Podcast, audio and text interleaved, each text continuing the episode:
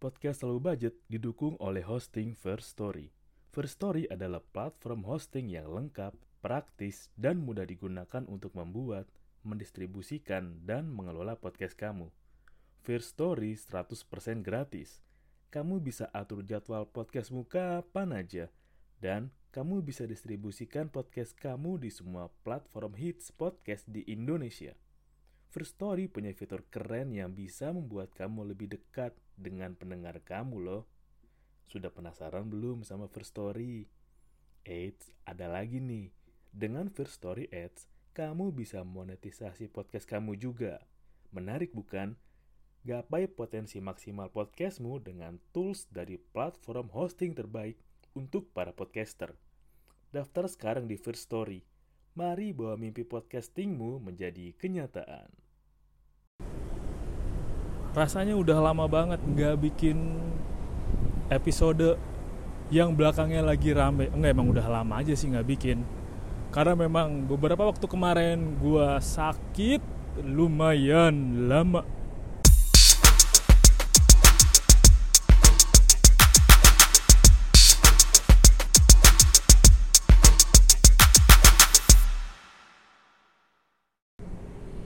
ternyata emang kalau diinget-inget lagi tuh di lihat lagi list update gue emang udah lama sih gue nggak rekaman lagi ya. Karena emang gue lagi sakit aja.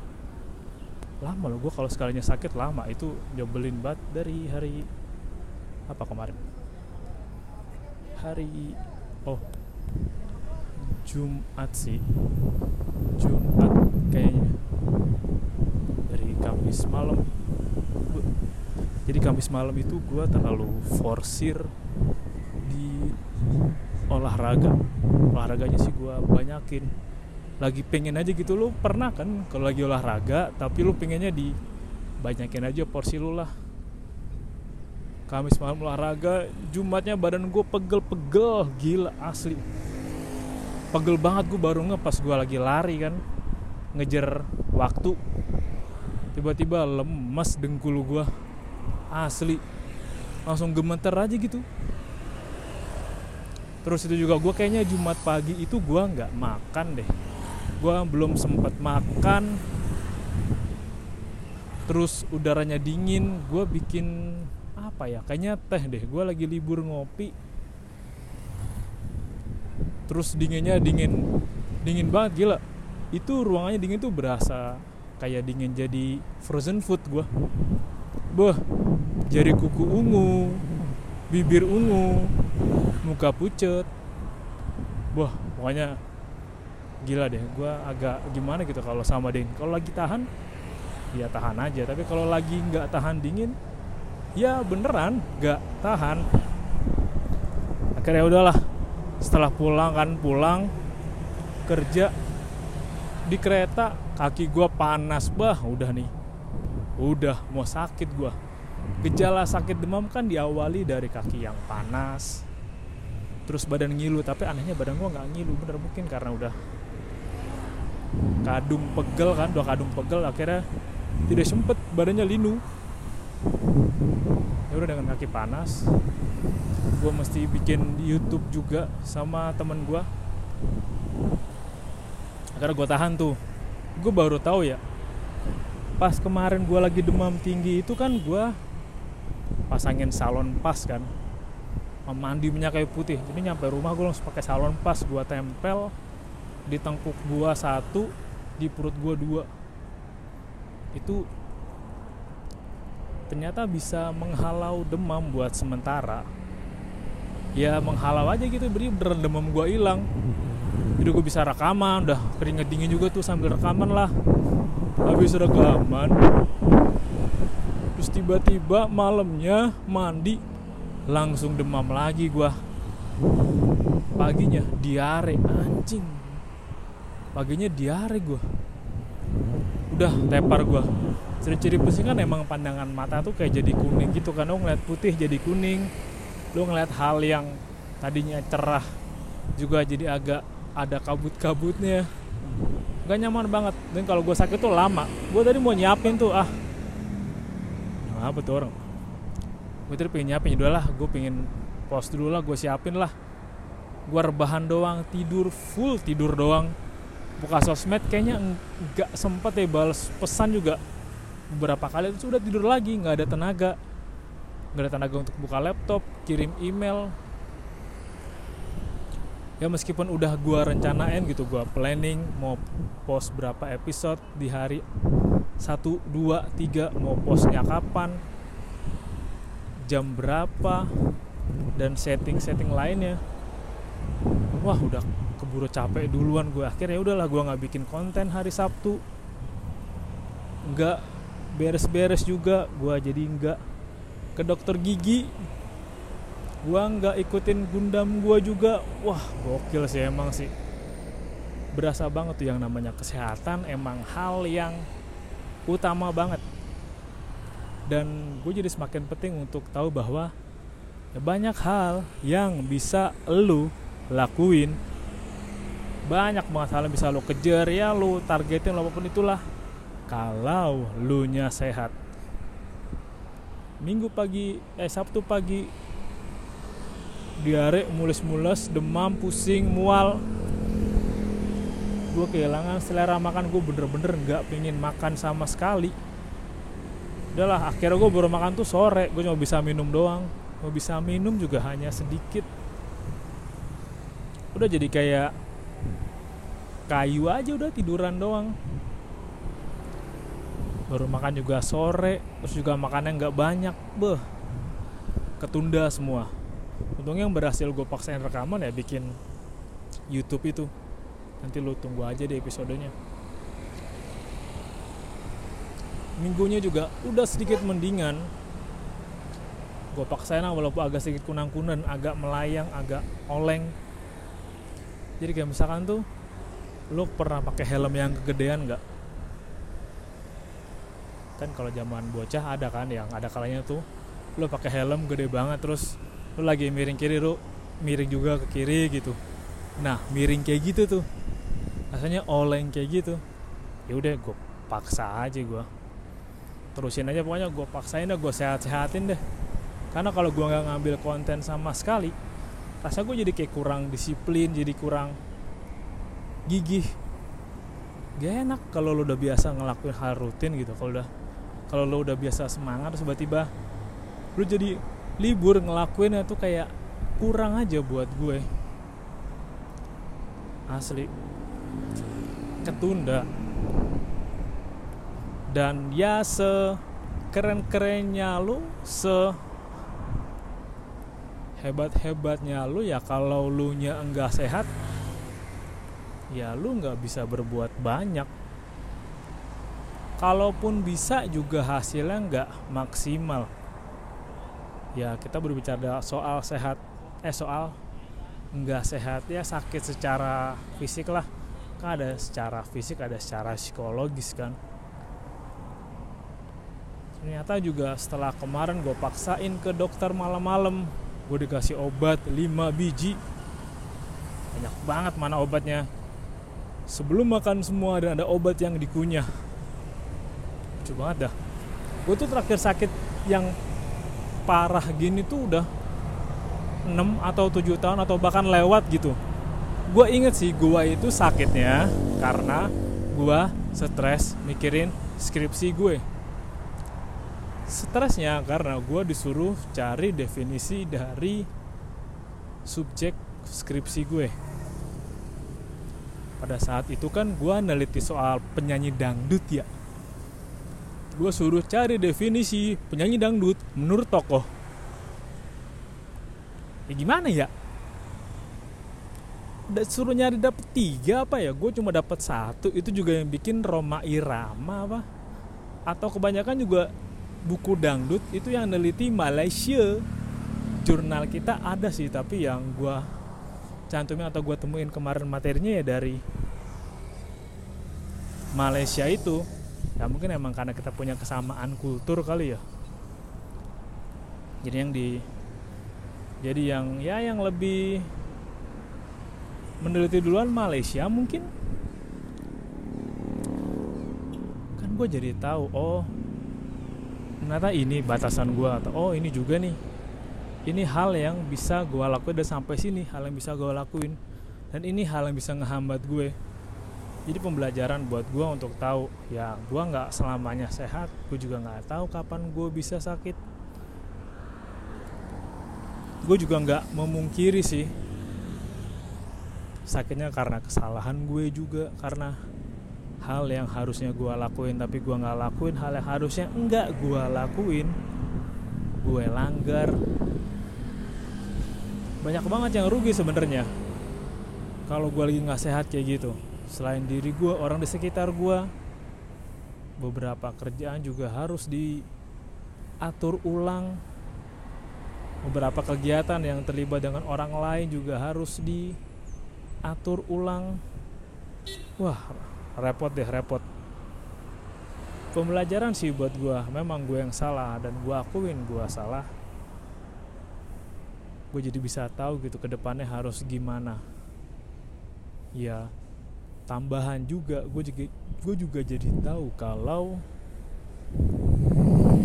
sebenarnya memang sih dulu di gua kuliah tuh mau dijelasin 90% penyakit itu datangnya dari pikiran. Dan lambung adalah otak kedua manusia. Kalau lu nya stres nggak nyaman atau lu merasa berpikir yang berlebihan otak lu akan ngirim sinyal ke lambung untuk berproses. Makanya ketika lu lagi nggak enak di kepala pasti lambung lu juga ikutan sih ikutan ngerespon. Biasanya biasanya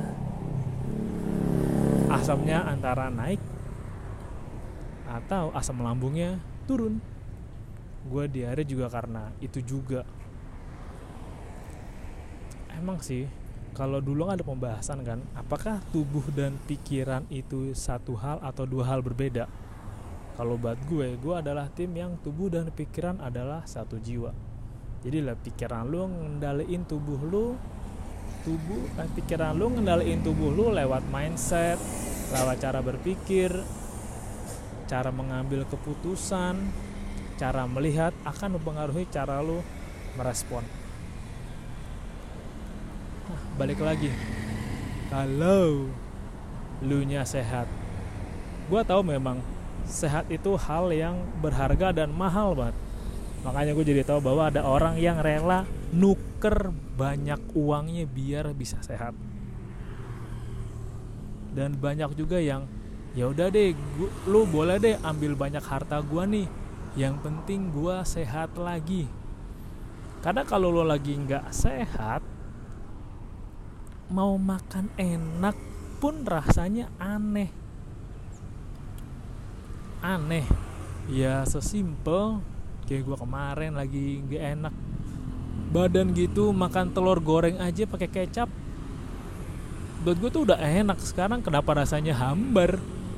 Kenapa saya tidak ingin memakannya? Kenapa tidak berselera?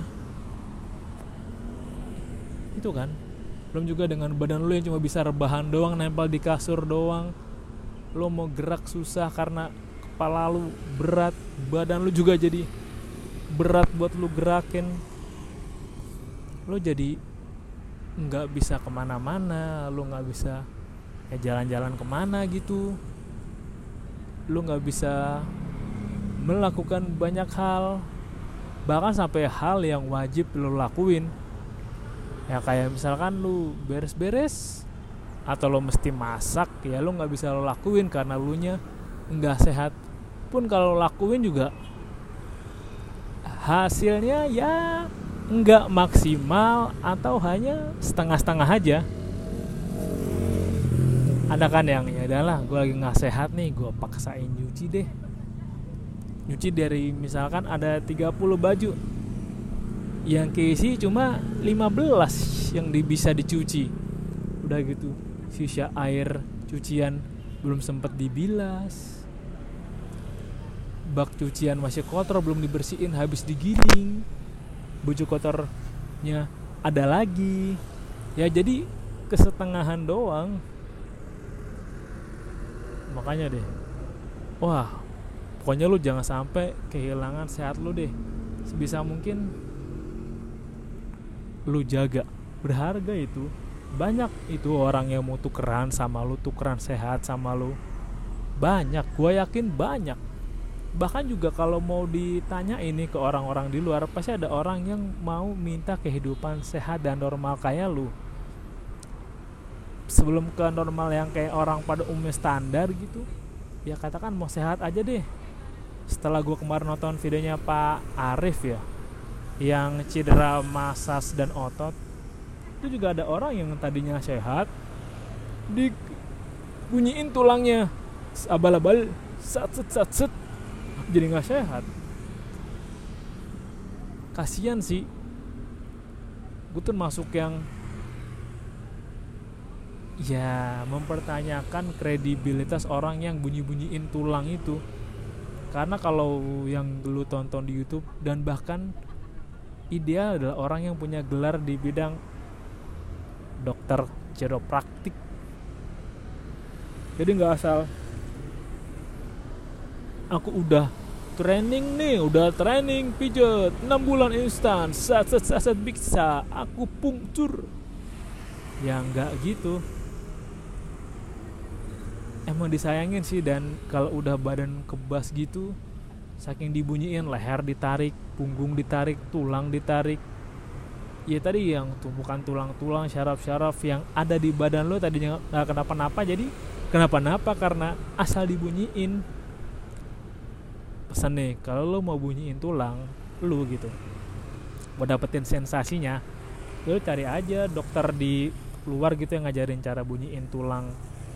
Kita mandiri secara benar ada tutorial kan tuh kalau pakai anduk itu gerakannya gimana? Kalau lagi di ruangan kerja caranya gimana? Kalau lagi kakinya pegel ngebet pegel gitu caranya gimana? Ya lo lakuin lebih baik untuk diri lu sendiri karena lu yang tahu kapasitas berapa kuat tulang atau badan lu bisa ditekan ditarik-tarik. Dari penyakit itu mana namanya. Iyalah. Ada gua kekenyangan lagi kekenyangan gue. Udah lama gua nggak makan kekenyangan. Terus kalau dipikir lagi juga aduh mesti keluar biaya buat lu sehat. Biaya buat sehat tidak murah. Kayak kemarin juga iya gue berobat juga ada. Dana pribadinya kan bayar sekian sekian terus lo sakit juga lo mesti minum obat. Ketika minum obat siapa yang bekerja keras? Organ dalam badan lo lah. Ini gue juga gue bilang gue nggak nyaman gue minum banyak obat rutin dari Jumat kemarin. Gue nggak tahu berapa kali gue minum paracetamol. Gue minum diata baru berapa kali sih? Kayaknya baru satu strip. Karena kalau minum obat gitu kan yang kerja adalah liver atau pankreas ulu hati jantung juga aduh. Itu loh organ-organ yang terlibat itu loh organ-organ yang terlibat dalam setiap sistem dalam tubuh kita itu yang terlibat. Banyak kalau lu nggak sehat lu bebanin diri lu dengan obat-obat itu supaya diri lu organ-organ dalam diri lu itu bekerja lebih keras supaya menyalulir menya apa sih menyalurkan zat-zatnya ke yang membutuhkan ya lu jadi sehat. Tapi organ dalam lu kerja rodi. Tapi masa pakainya menurun. Tapi masa aktifnya jadi berkurang. 0, sekian atau 00 sekian persen emang harus kita akuin juga tubuh fisik kita tuh juga punya batasannya kan? Kita nggak bisa hidup abadi. Ada yang namanya penuaan. Ya kalau memang lu mau otot-otot dalam diri organ-organ dalam diri lu bertahan dalam kondisi yang baik sampai lu tua, ya lu jagalah, lu rawatlah, jangan makan ugal-ugalan, jangan melakukan hal-hal yang menyiksa diri sendiri seperti datangin ke orang untuk tulang nggak minta dibunyiin retak-retak kayak gitulah. Karena kalau udah kena syaraf aduh susah pahit banget itu. Gue juga kebayang sih rasanya lagi tidur tiba-tiba kebangun karena sakit. Emang lo kata kemarin waktu gue sakit gigi bungsu itu tengah malam gak kebangun. Yang kemarin syaraf gigi gue sakit juga emang tengah malam gue gak kebangun. Kebangun gue tengah malam karena saking sakitnya. Dan itu perasaannya nggak nyaman anjir. Nggak nyaman. Sakit itu nggak nyaman. Lo bawa ke mana juga? Lo mau bawa ke A B C D E juga kalau lu nya sakit. Lu mau mencari ide berpikir juga berat. Karena ketika lu sakit ya lu lu paksain yang ada malah tambah sakit. Kalau beberapa penyakit mungkin ya udahlah paksain biar sehat paksain biar sehat. Beberapa ada yang masih bisa berlaku dengan quotes quotes atau dengan sugesti macam gitu. Tapi kalau ada juga sakit yang ya gue sakit nih ya udah gue sakit gue mesti istirahat full. Isi tenaga gue ngebenerin organ gue ya ada. Jadi kalau emang saran gue ketika lo lagi sakit ya lu istirahat lah obat lah. Atau memang kalau sakit disebabkan karena efek dari pikiran lu lu misalkan stres overthinking atau misalkan lu berpikiran yang buruk-buruk terus berprasangka yang gak baik terus tiba-tiba berpengaruh kesehatan lu jadi lu pelan-pelan coba untuk bertanya ke diri lu ini gue kenapa bisa berpikiran kayak gini ya? Emang ini cara pikir yang bener? Kalau emang ini salah dan ada yang bener tolong dong kasih tahu dan unjukin kebenarannya. Karena ya karena ya, ini penutup deh. Gue baru tahu ternyata otak kita itu suka menjawab pertanyaan kita otomatis kan. Jadi cobalah untuk kasih pertanyaan ke otak kita dan cari pertanyaan yang bagus biar otak kita juga bisa bekerja dan terbiasa bekerja dengan bagus juga. Terima kasih udah dengerin episode kali ini. Gue harap lo tetap sehat dan sampai jumpa di episode berikutnya. Bye bye.